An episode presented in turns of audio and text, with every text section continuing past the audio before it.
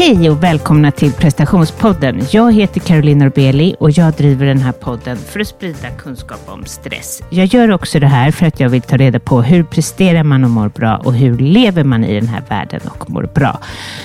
Prestationspodden har ett nyhetsbrev och det är för dig som eh, tycker att eh, mina gäster har bra tips och vill ha dem till din mailkorg. Så gå in på carolinorbeli.com och signa upp. Jag sitter hemma och eh, jag hade tänkt att jag skulle vara jätteutvilad. Jag gick och la mig supertidigt igår, men ehm, och bara så här, sa till alla, ingen får väcka mig, men då händer det istället att jag vaknar upp av att eh, min man är jagar runt efter en mus i min dotters rum och min dotter är hysterisk och min son undrar vad det är som händer. Och eh, oh, det här är baksidan av att ha katt. Eh, jag börjar till och med bli van. Förut så var jag helt paralyserad av skräck när jag såg det, men nu var jag paralyserad av trötthet. Jag hjälpte inte mycket till. Det är alltid min man som får jaga den där musen. Men, eh, och det är liksom det är verkligen baksidan av att ha ett djur eller ha en katt. Eh, det, det, hon ska vara glad att jag älskar henne så mycket och det är otroligt att jag gör det, för hon egentligen ger ingenting av sig själv, eh, frallan.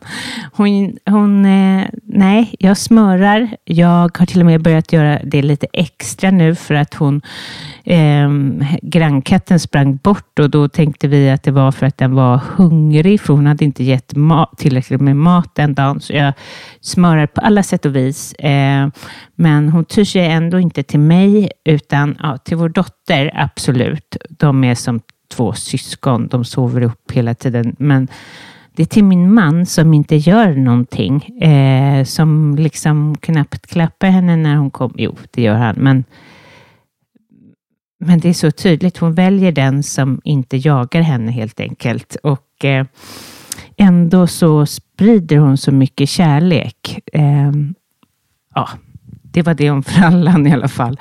Eh, jag är då trött, lite trött. Eh, och eh, trött också för igår var jag och reglerade min nacke. Jag har en gammal skada från att jag krockat en gång med en chow när jag var liten. Och, eh, det är någon kota som sitter fel och ibland så bara stelnar den till så blir jag tvungen att eh, rycka på den helt enkelt. Ja. Men eh, för mig känns det jag känner mig då lite trött, men det är inte bara från idag, utan jag kan tycka um, att tiden, liksom, nu är det verkligen långt ifrån att man var ledig och fick uh, bara vara och allt det där. Och uh, att jag um, längtar till att göra mindre saker faktiskt. Och det ledde mig lite till vad jag tänkte prata om nu. Um, och det är, eh, var så bra. Jag var hos en massör. ja, jag bidrar till att få folk att eh, eh, få in pengar när det gäller hälsobranschen i alla fall. Ja, men det, eh, när man är coach behöver man verkligen ta hand om sig själv för att, för att vara topp bra, liksom. För att ha den här energin att ta emot människor. Så jag, jag ehm, prioriterar det helt enkelt. Men hon ehm, sa så himla bra att hösten är en bra tid att släppa tag om gamla mönster. Och det, det är sedan gammalt. Det har, eh, hon pratade om att det var kinesisk medicin, har de sådana tankar inom, inom den, men också att eh, när en bonde Eh, när det är höst så funderar bonden över vad var det som bar frukt och vad var det som inte gav något. Och eh, nu har ju en jättestor del av året gått och det är tid att börja stryka det som längre inte ger något. För att det är extremt utmattande att hålla på ge och ge och ge till det som inte ger något. Och det är ju uppenbart. Men det är inte lika uppenbart alltid för dig som lyssnar vad det är för något. Vad är det som inte ger något? För det kan vara vänner som man har haft länge, som man ser som att det här, vi måste ju umgås. Vem är jag utan henne? Eller Vi, eh, ja, det kan vara projekt som du håller på med. Det kan vara ja, eh, inriktning på jobbet. Det kan vara hur du har i din relation med din man eller kvinna. Ja, olika saker. Men nu är det höst. Nu kan vi få chansen, eller försöka se det här som vad kan man ta bort? Vad är det för mönster? Vad är det för saker i ditt schema som du kan ta bort? Det är ju stresshanteringens liksom första del och se över eh, egentligen. För att få utrymme, mer utrymme för dig själv. Um, så är det så att du känner dig lite overwhelmed eller, eller inte så tycker jag att eh, gör som bonden. Se över ditt schema. Se över vad du prioriterar. Se över hur du lever. Normally, being a little extra might be a bit much, but not when it comes to healthcare. That's why United Healthcare's Health Protector Guard fixed indemnity insurance plans, underwritten by Golden Rule Insurance Company, supplement your primary plan so you manage out of pocket costs. Learn more at uh1.com.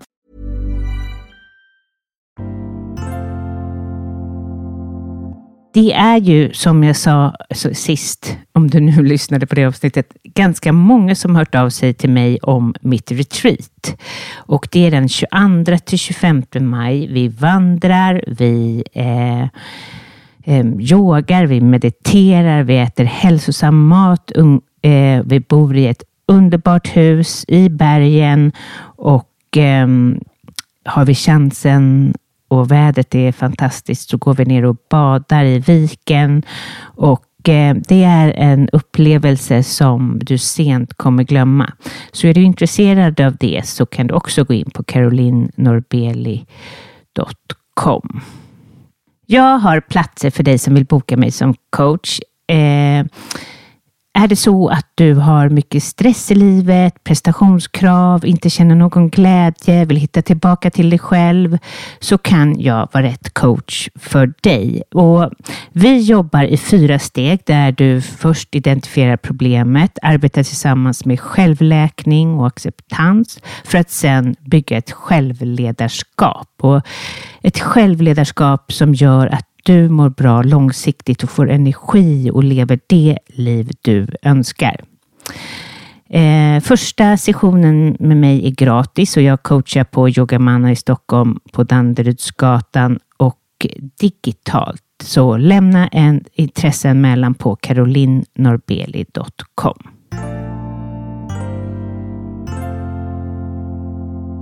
Till det här avsnittet så har jag intervjuat Daniela Witte Daniela är inredningsdesigner och har ett fantastiskt eh, konto och gör fantastiska saker och jag blir så inspirerad eh, av henne. Eh, jag har följt henne under tid och eh, ja, eh, hon har verkligen en otrolig förmåga. Eh, och eh, hon är dessutom utbildar hon sig inom psykosyntes och eh, det fanns en period i Danielas liv där det var för mycket då hon eh, mattade ut sig och det ska vi prata om i det här avsnittet. Så lyssna till en härlig kvinna, Daniela Witte. Say hello to a new era of mental health care. Cerebral is here to help you achieve your mental wellness goals with professional therapy and medication management support. 100% online. You'll experience the all new Cerebral Way, an innovative approach to mental wellness designed around you. You'll get a personalized treatment plan from a therapist, prescriber, or both in a safe and judgment free space. Your cerebral therapist or prescriber will outline a customized plan with clear milestones along the way so you can get to feeling your best. With Cerebral, you're not alone in your mental health journey. We're here to empower you to live a fulfilling life. So take that first step towards a brighter future and sign up today at cerebral.com slash podcast and use code ACasts to get 15% off your first month. Offer only valid on monthly plans. Other exclusions may apply. Offer ends July 31st, 2024. See site for details. Flexibility is great. That's why there's yoga. Flexibility for your insurance coverage is great too. That's why there's United Healthcare Insurance Plans. Underwritten by Golden Rule Insurance Company, United Healthcare Insurance Plans offer flexible, budget friendly coverage for medical, vision, dental, and more. One of these plans may be right for you if you're, say, between jobs, coming off your parents' plan, turning a side hustle into a full hustle, or even missed open enrollment. Want more flexibility? Find out more about United Healthcare Insurance Plans at uh1.com.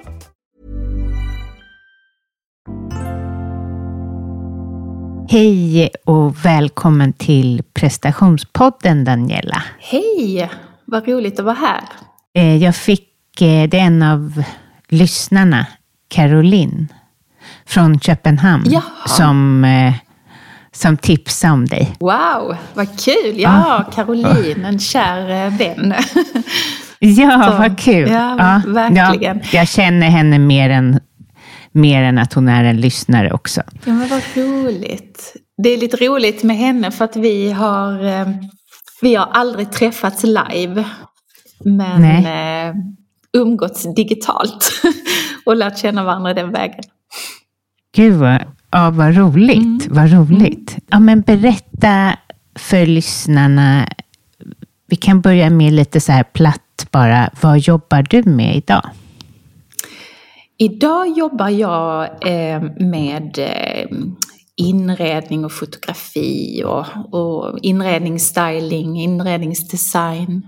Det liksom har varit mitt yrke sedan eh, väldigt många år tillbaka. Så det är väl det som eh, de flesta känner mig för i min yrkesroll. Men sedan tre år tillbaka så omskolar jag mig till samtalsterapeut inom psykosyntesen. Ja, Mm. jättespännande. Mm. Eh, men du gör ju parallellt. Du gör både och, eller hur? Jag gör Idag. både och, det gör jag. Ja, Så att, eh, Fantastisk kombination. Mm, ja men det är det. Samtidigt så är det ju väldigt spännande att se vad det liksom kommer bli av, hur det kommer integreras med varandra när jag väl är klar. För det är liksom, nu händer så mycket så att eh, Eh, jag nog testar mig fram lite eller går på intuition liksom på vad jag drar åt och vad, vad mitt syfte ska vara inom inredning i framtiden framför allt. Det andra vet jag nog lite mer men mm. Hur kom du eh, till att... Eh, vad, vad- vad förde dig till att börja jobba med inredning? Oh, det, ehm, ja, men det har ju faktiskt funnits med mig ända sedan jag var liten. Ehm, jag tror att ehm, mitt sätt, alltså mitt skapande och hur det växte fram, växte fram ur eh, ett sätt att lite komma bort från, från saker och ting när jag växte upp. Mm.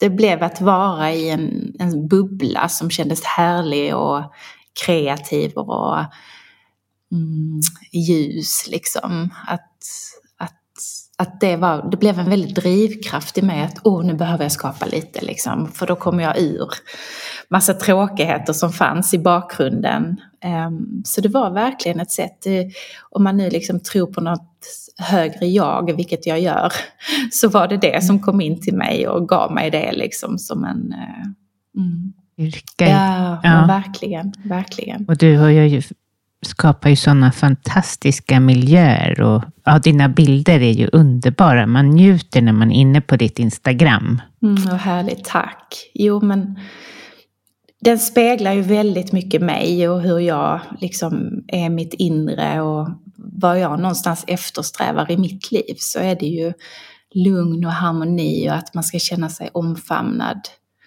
Ehm, Och vi kan förstärka det, tänker jag, genom att skapa en miljö där vi trivs och där vi kan känna oss trygga och varma och hållna. Ehm, Så det tycker jag är viktigt. Men som jag har förstått och läst så har du, brände du ut dig. Och var det innan, innan de här tre åren? Eller när mm. hände det? Eh, jag har ju eh, varit i utmattningsdepression. Eh, har det ju varit, både mm. utmattning och utmattningsdepression under några tillfällen i mitt liv, i några perioder. Mm. Eh, men första gången var innan jag startade eget företag, så det var väl 2008-2009 där någonstans. Eh, då jobbade jag på Ikea och hade jobbat där i många år. Och eh, det var i samband med att vi fick, det startade nog i samband med att vi fick vårt andra barn.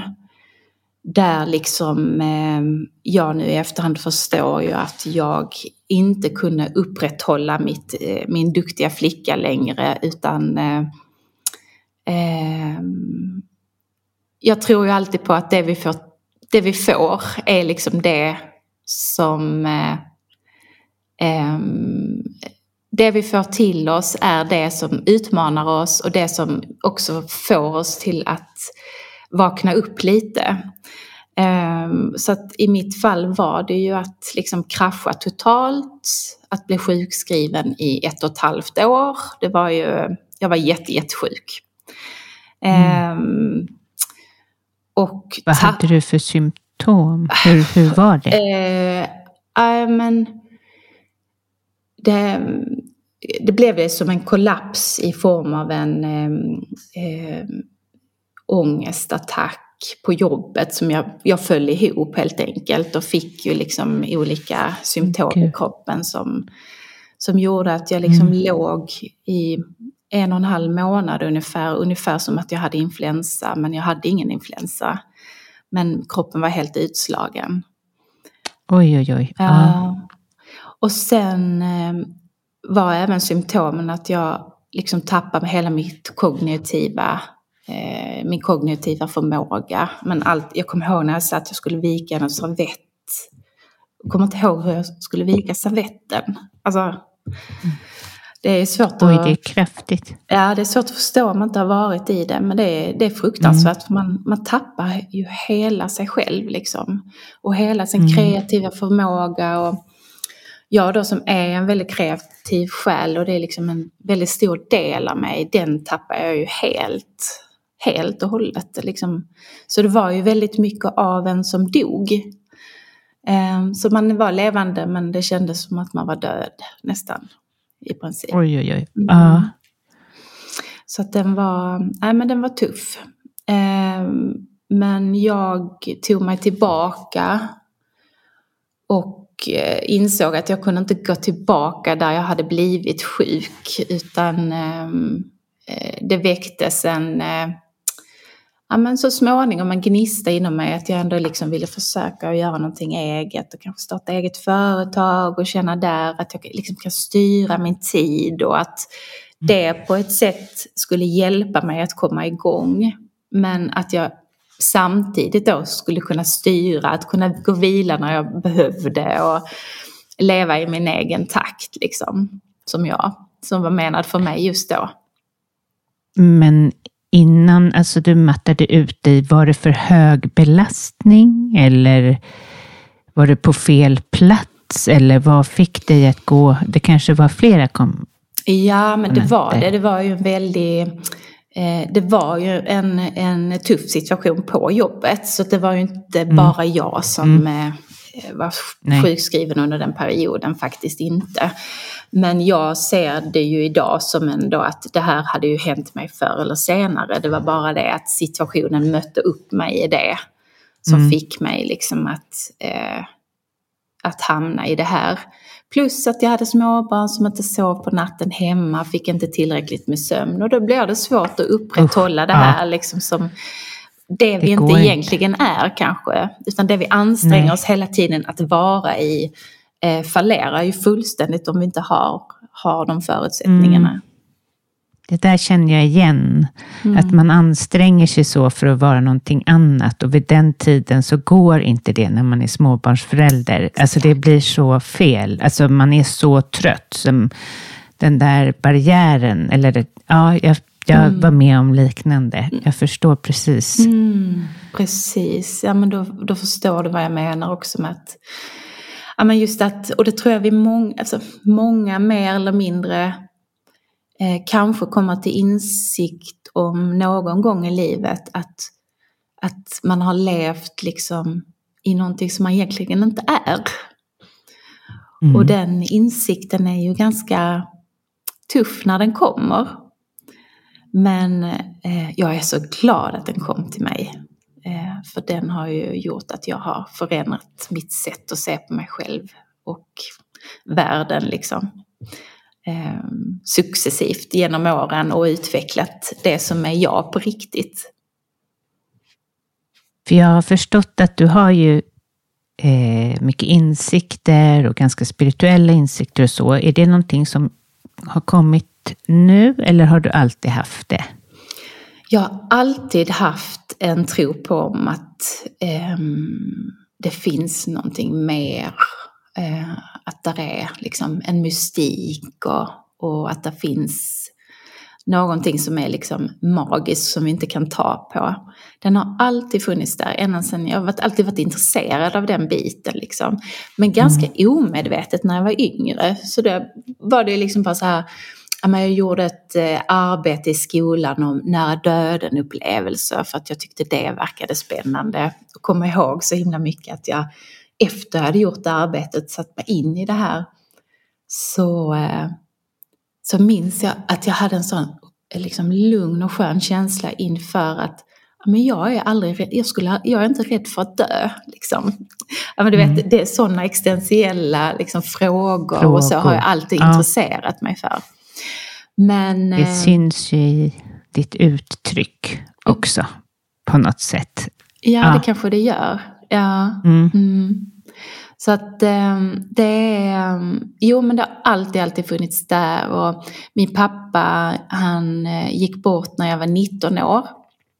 Oj. Och det första jag eh, gjorde då var att gå till ett medium faktiskt. Mm.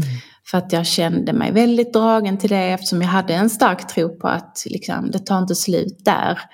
Så fick jag en stark eh, vägledning måste jag säga att det var att, att vända mig till ett medium för att jag då kände att amen, min sorg och allt det jobbet som, det jobbiga vi går igenom nu, det kanske skulle bli lite lättare om jag möter ett medium som i, i sin tur då connectade med pappa.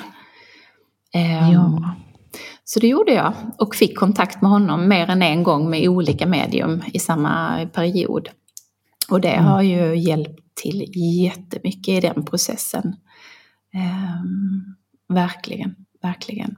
Så att det har alltid mm. funnits, men sen har det legat i dvala under de här åren, som när jag gick i väggen och allt det här, så har det liksom varit helt nedstängt för min del. För att ja, fokuset har varit på annat helt enkelt. Jag har inte varit i den kontakten, tror jag, med mig själv heller. Eh, vilket har väldigt mycket att göra med den spirituella, den andliga biten. Att för att någonstans ha kontakt med den dimensionen så behöver du vara i kontakt med dig själv. Och att vara småbarnsförälder så har man ju inte riktigt plats för det heller, Nej. tänker jag. Nej. Nej. Eh. För då är du så jordlig och här. Liksom, Men precis. Och ska, ja.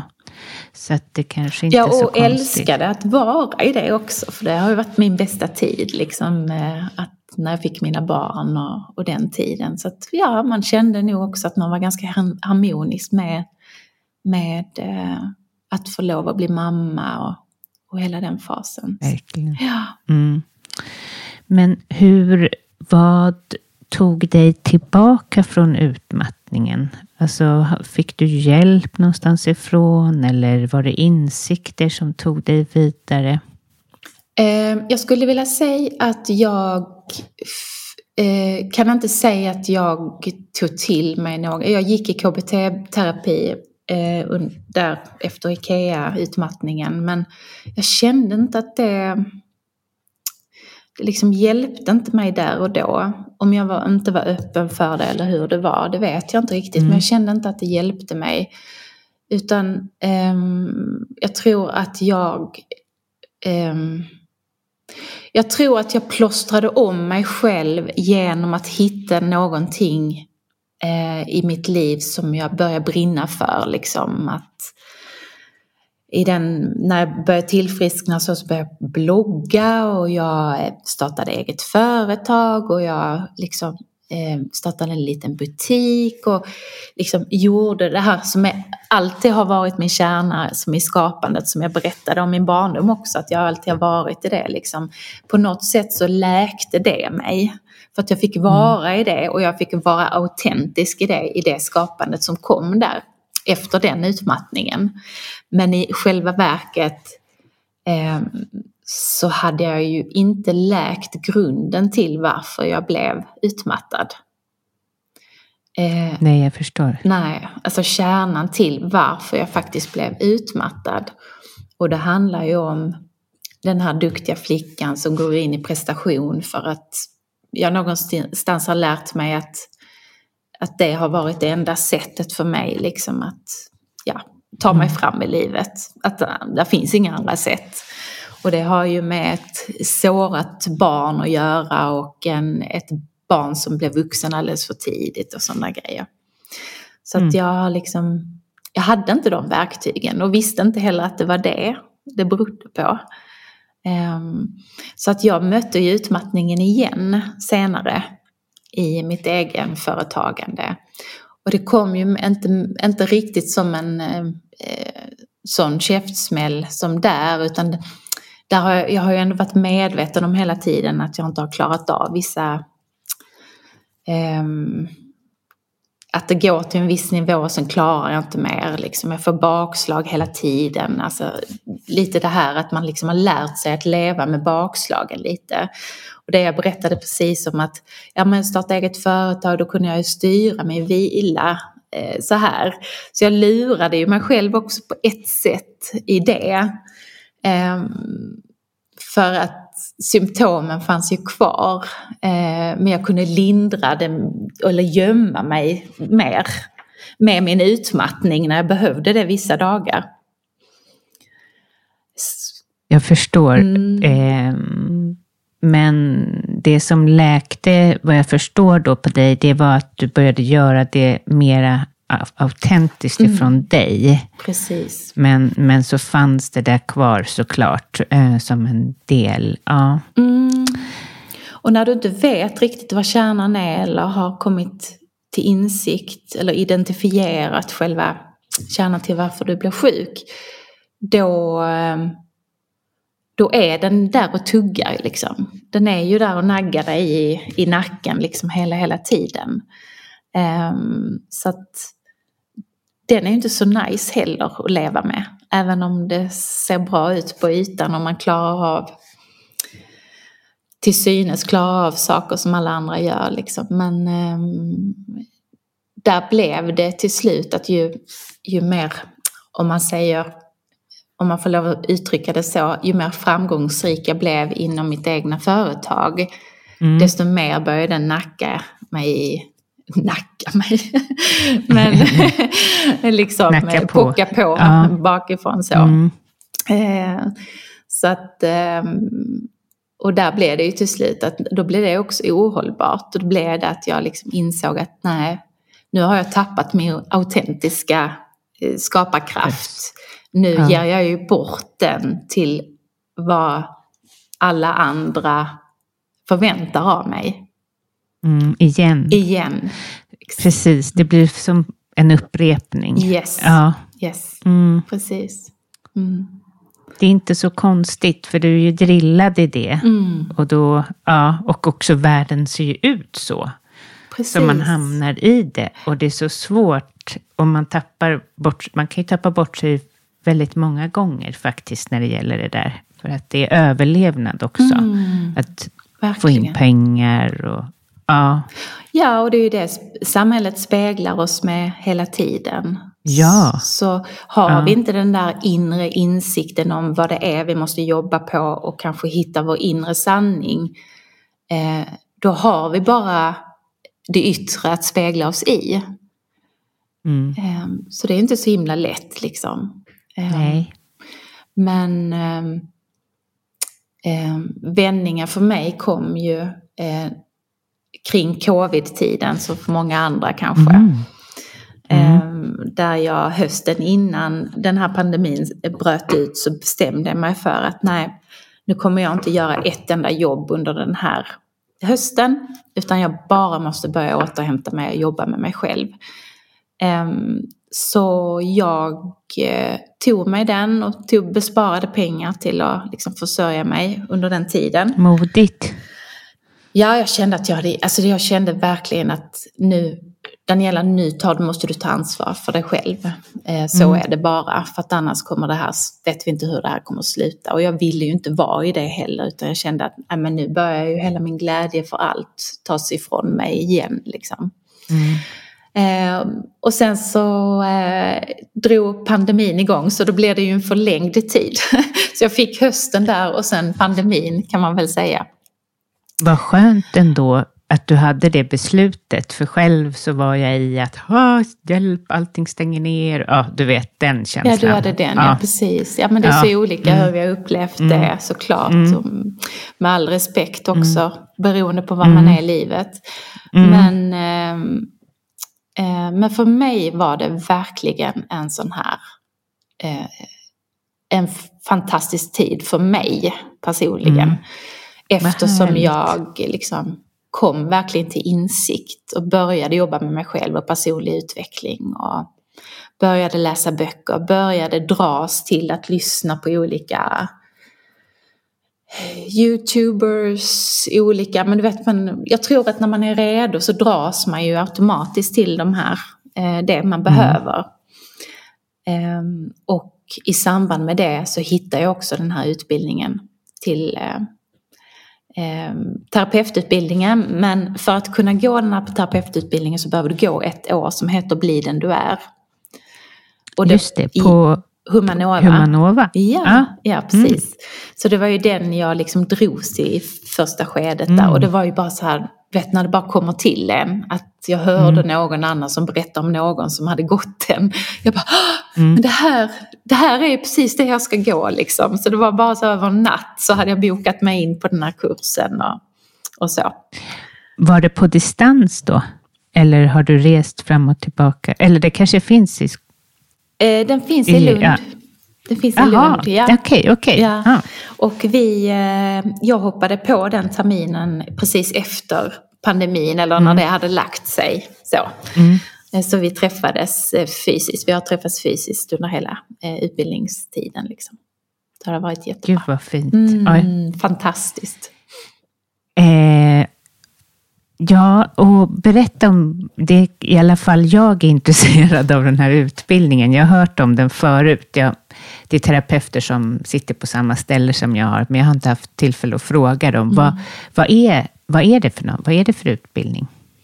Psykosyntes. Ja, eh, psykosyntesen är en, eh, en holistisk form av, eh, form av terapi där, mm. Eh, där vi jobbar med klientens undermedvetna, det medvetna fältet och det övre medvetna fältet. Och där vi också jobbar, vi identifierar viljan, din vilja och jaget och så, så är det i samspel med varandra.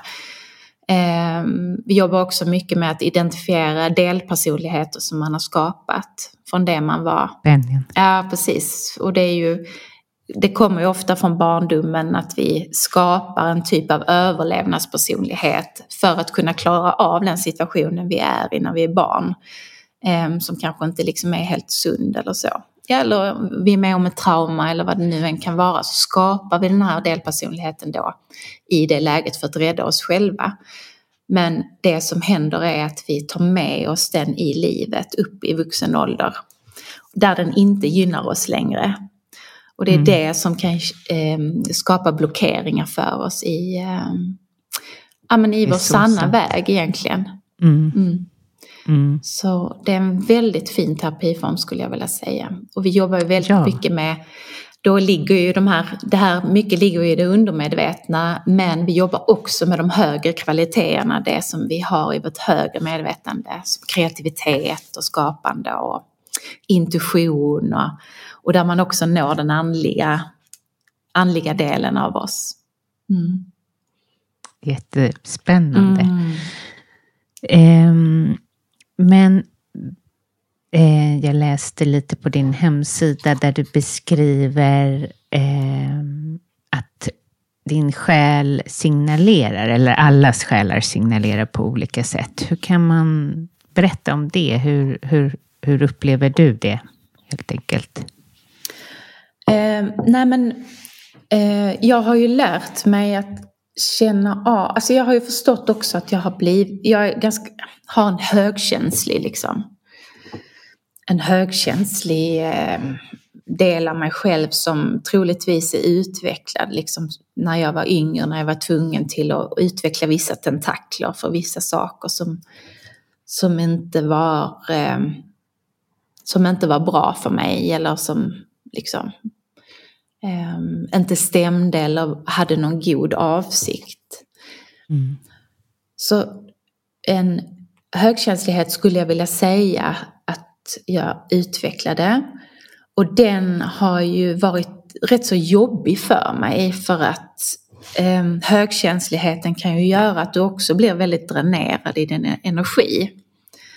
Eh, men den går att omvandla till att ha den, se den som en intuition istället.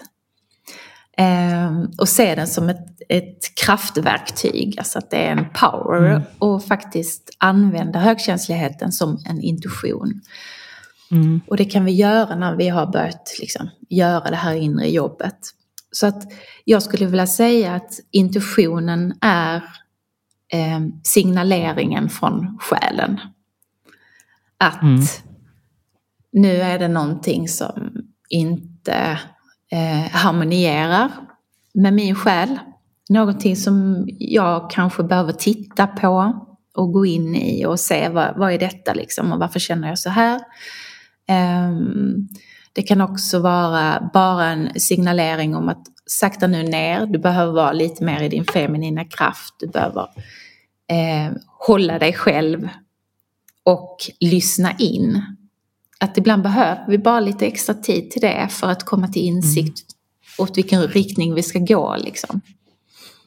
Men det finns ju ofta en del av en själv, när det saktar ner lite grann, eh, att det börjar, det är jobbigt och det är det sista, om det kanske är egot, vill inte det här. Nej, nej, nej, jag vill inte sakta ner, det bara eh, spänner i kroppen kroppen och mm. hjälp, vad ska hända nu? Mm. Det kommer så jättemycket olika frågor mm. och man vill ta, bara undvika det här tillfället mm. att vara att det är, åh, det är lite tystare nu. Alltså som egenföretagare kan man ju ha den förnimmelsen, men då är, upplever jag att det finns så många, om man säger delpersonligheter eller eh, röster inom en själv som, som agerar på olika sätt och så här, åh gud, den ringer upp någon kompis och beklagar sig, den andra vill ut och springa. Alltså, mm. ja. Mm. Mm. Precis. Eller hur?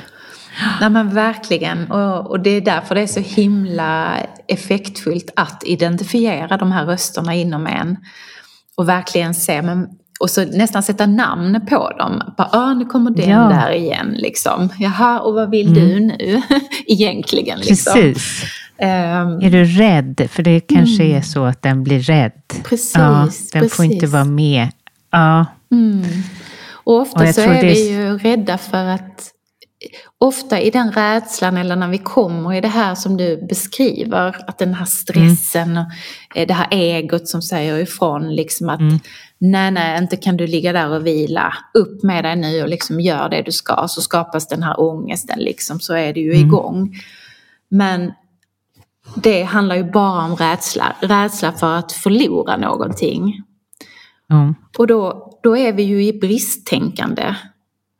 Mm. Och när vi är bristtänkande så är det ju lite det vi attraherar in också. Liksom. Det är ju den ja. viben vi hamnar i. Precis, mm. men det känns som att du har lite lätt, lätt för att inte vara i bristtänkande. Eller? Du har ju lätt för att attrahera in. Eh, jag skulle vilja säga att idag så, så upplever jag att jag eh, är mycket mindre i bristtänkande än vad jag någonsin varit innan, absolut. Vad härligt. Ja, nej men det, det, det känner jag liksom inte rädd för att förlora någonting, om jag säger så. Nej. Det är klart att det är jättehemskt, alltså man vill inte förlora sina nära och kära, men förstå mig rätt, eh, materiella ting och så är för mig liksom inte värt någonting egentligen. Nej. Nej. Nej. Eh, men också att om man inte, alltså, om man, det bristkänslan uppkommer ju också så här, tar jag, eller lyckas jag inte försörja mig, eller lyckas jag inte göra ett bra år, eller lyckas jag inte, så är jag ingenting. Mm. Eh, och det är ju inte, alltså det finns ju en del, det är väl den här duktiga flickan som kan prata, som, hon, hon är ju ganska, jobbar ju i brist Mm. väldigt mycket. Precis. Att, Ja. att man inte ska vara tillräcklig så att man får det där och det där som gör att man kan leva Mm. sitt liv. Liksom. Har du något knep hur, hur man inte eh, är i brist? För jag tänker att det är så många som lyssnar. Herregud, det här är prestationspodden och många är utmattade och har precis gjort den här resan som du har gjort. Så. Precis. Ehm, ett, ett repeter, alltså så här, tänka att jag ska programmera om mig själv. Så. Eh, Men alla delar kan vi inte programmera om samtidigt, utan man får ta en Nej. del i taget. Så. Och eh, eh, lokalisera, identifiera det som faktiskt blockerar en mest, alltså det här bristtänkandet till exempel. Mm. Att så fort jag är i det bristtänkandet eh, så först och främst måste man förstå att det du tänker där och då, det är liksom inte sanningen. Eh, det är någonting Nej. som du har byggt upp själv för att du har blivit kanske lärd i tidigt stadie sedan du växte upp att det är på ett visst sätt. Men det är inte det som är sanningen. Att alltid tänka Nej. att det här är inte sanningen. Det finns alltid en högre, eller säger, en mer positiv vibration som jag kan landa i om jag vänder den här negativa bristtänkandet till ett positivt tänkande. Eh, där jag hamnar i en vibe där jag inte längre är rädd. Men ändå där jag kanske ser möjligheterna till att kunna göra samma sak på ett sätt utan att vara i bristtänkande. Så det där är, det där är ett eh, arbete man måste göra med sig själv och måste Ja. repetera för sig själv ända tills man har ändrat sin paradigm. Ja, Ändrat det undermedvetna. för det där är väldigt starka programmeringar eftersom eh, det är överlevnad. Ehm, Exakt. Ja, Mm. så det mm, men att dagligen påminna sig kanske är, är någonting som... Ja, dagligen påminna sig och också förstå innebörden av ehm, att är du bristtänkande så håller du dig på en ganska låg frekvens. Och den låga frekvensen attraherar du ju, den vibrerar ju du ut liksom i hela ditt väsen. Och när vi pratar kvantfysik då så är det ju faktiskt det du attraherar in också tillbaka. Och då hamnar du i den frekvensen. Men kan man vända det till att tänka ur ett högre perspektiv eh, och få din vibe till att öka och höjas. Då vibrerar du också ut den viben. Ja, Och, och det läste jag på din... och attrahera in det som du faktiskt... Eh, Ja, ja. Så att, för att, och du menar så att du jobbar lite med dig själv. Vi säger att du... Vi säger att du står inför att ja, du skulle behöva få in flera uppdrag och så. Jag vet ju inte hur det ser ut för dig. Det är kanske folk som knackar på dörren. Men du vill ha in vissa stora uppdrag som skulle vara fantastiska för dig. Hur jobbar du med dig själv? Är det att du försöker då energimässigt vara i som att det har hänt eller, eller hur? Exakt, var bara- precis. Mm. Eh, Du är helt inne på det, jag har säkert hört om detta innan. Men jag Ja. eh, jobbar, och jag kan säga, berätta att jag jobbar varje dag med det här. Så varje, Ah. jag har det som rutin att gå upp tidigt varje morgon och sitta och jobba med vissa delar som jag eh, just nu är inne i till exempel. Som i morse vaknade jag med en ganska så här, jag bara kände att det var en låg vibe i mig. Och jag visste inte riktigt varför. Jag Nej. kände en viss liten stress och när jag började tänka okej nu har du, du har lite nya grejer den här veckan som du ska göra. Mm. Så då är min prestations eller det här eh, Mm. Den här duktiga flickan och Mm. lite kontroll och så som går in och då känner jag direkt att min vibe sänks. Jag är liksom Mm. inte i det jag vill vara då. Och då, då kommer Nej. oroskänslan, lite ångest, man vet inte riktigt vad man liksom ska ta sig för. Och jag blir oftast ganska trött av det. Liksom så här, bara, Åh, nej men kan inte jag bara gå och lägga mig och låta denna dagen vara över. Lite sådana tankar. Men eh, eftersom jag jobbar så mycket med det nu så börjar jag skriva ner exakt så som jag känner. Att få ner det på papper, att inte bara ha det i huvudet utan få ner det på papper. Så att vi jobbar med hel, man jobbar med sina sinnen liksom så att man inte bara har det Mm. eh, visualiserar eller känner det på ett sätt utan du kanske om du får ner det på papper, ja men då får du ut det på ett annat sätt. Men också känna i kroppen, var sitter det i kroppen? Vad är det jag känner liksom att jag mår på det här viset? Och det resulterade då i att jag skrev ner och hade en eh, liten affirmation och liten meditation kring det. Och sen tog jag på mig träningskläderna och gick ut en eh, snabb promenad liksom för att frigöra de här blockeringarna som faktiskt sätter sig i vår kropp. Så allting hänger ihop. Och, då Gud vad bra. och med intuitionen då att nu går jag ut och går för att detta ska släppa. Ehm, Och jag efter den promenaden bara, ja, ja men nu mår jag mycket bättre och nu kan jag se saker och ting från ett lite högre perspektiv och landa i det. Och då känner jag också att min vibe har höjts. Så att, eh, Vad härligt. Mm. Jag brukar göra det på kvällarna för att jag har haft en historia om lite dålig sömn. Och det är faktiskt så. Det är som att boken tar min oro. Eh, så bara, gud, det är så härligt att bara skriva ner det, bara en kort rad och sen puff. Så, men det finns någonting väldigt bra i det du gör på morgonen. Alltså speciellt som, eller för alla egentligen, men jag tycker att det är extra krävande att vara egenföretagare för att man måste vara, du säljer dig själv, du måste vara på ett visst sätt liksom, och hålla den här energin. Och inte vara i bristtänk och allt det här liksom, på en gång. Det är som att man har fått en större utmaning i livet. Verkligen.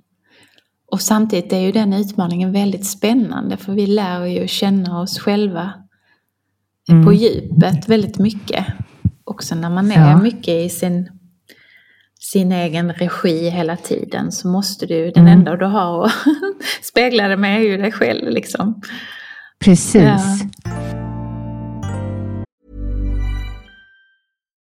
Some places take you away, some bring you together. Marathon does both. Marathon is Florida's family key with something for everyone. You'll find museums and wildlife refuges, wide open beaches, miles of warm, clear water, and the historic Seven Mile Bridge. For more about Marathon and the latest safety protocols, visit flakeys.com/marathon. Don't you love an extra $100 in your pocket? Have a TurboTax expert file your taxes for you by March 31st to get $100 back instantly. Because no matter what moves you made last year, TurboTax makes them count. That means getting $100 back and 100% accurate taxes only from Intuit TurboTax. Must file by 331. Credit only applicable to federal filing fees with TurboTax full service. Offer can be modified or terminated at any time.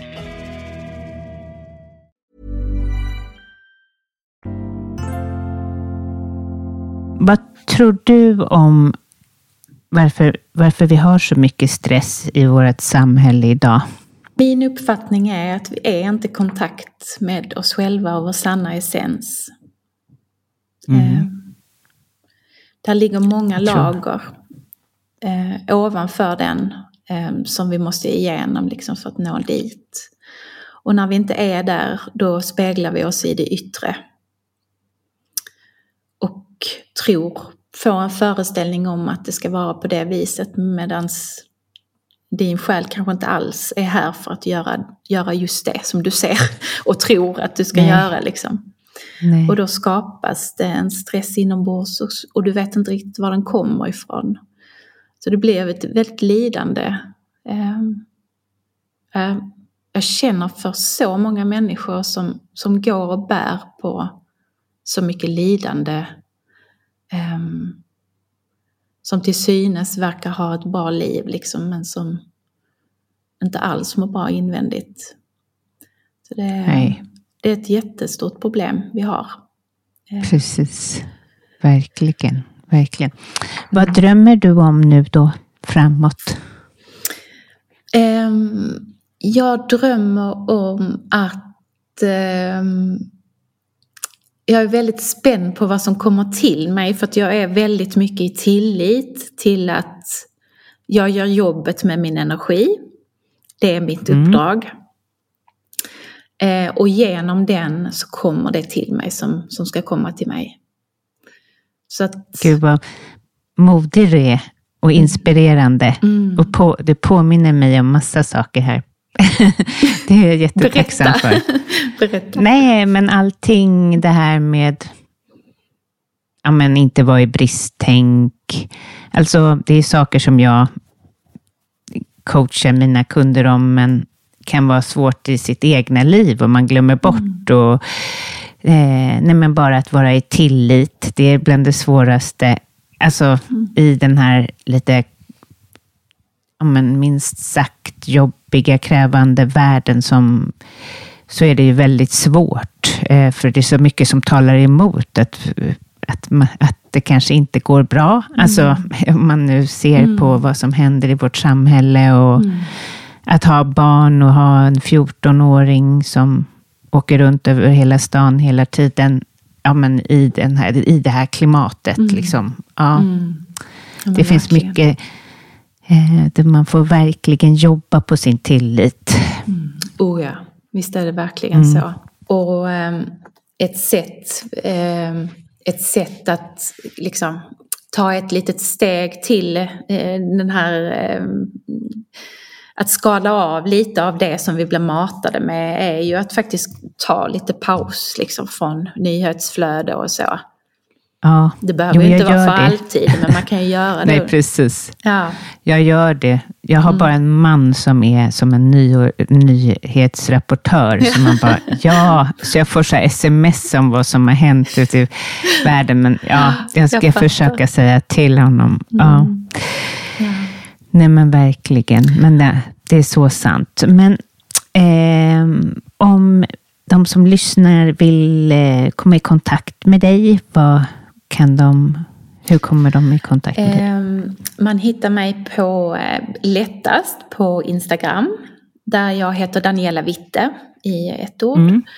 Eh, och sen har jag ett litet sido, mer spirituellt sidoprojekt som heter Moder. Som är ganska Mm. nytt. Men som också helt får leva fritt liksom, i vad som kommer till mig. Så jag har ingen prestation alls i det, utan det får bara komma ut. Jag kände att jag behövde en eh, kanal där jag kan liksom leva ut det där eh, fullt ut utan att känna att det liksom förstör någon algoritm eller så. Nej, precis. Man är så styrd av sitt... Ja. Men gud vad fint, vad bra. Ja. Så att Mm. de som vill följa mig där, men jag har liksom inget mål med att åh, nu ska jag nå ut med massor. Men, sådär. men jag tänker ändå att det ska liksom vara grunden till det nya som jag hamnar i så småningom. Vi får se vad som händer. Men jag fortsätter skapa och jag fortsätter att eh, jobba med min utbildning och eh, Ja. jobba med mina klienter och sådär. Så det är jätte, jättehärligt. Gud vad härligt. Mm. Ja. All eh, lycka till med det och tusen tack för att du kom hit och fort, ja, eh, det är en, som sagt en fröjd att, att följa, både för ögat och dina texter. Jättehärligt. Mm. Vad fint mm. att höra. Tack så hemskt mycket för att jag fick lov att vara med, Caroline. Tack till dig som lyssnar. Har du tips på någon eh, som vill komma till podden så är du varmt välkommen såklart att mejla mig på carolinetprestationspodden.se. Eh, jag blir så tacksam för alla tips. Eh, och eh, ja, gillar du avsnittet, gå gärna in och lämna så många stjärnor du kan på, i din app som du lyssnar ifrån. Då blir jag så tacksam. För prestationspodden behöver spridning.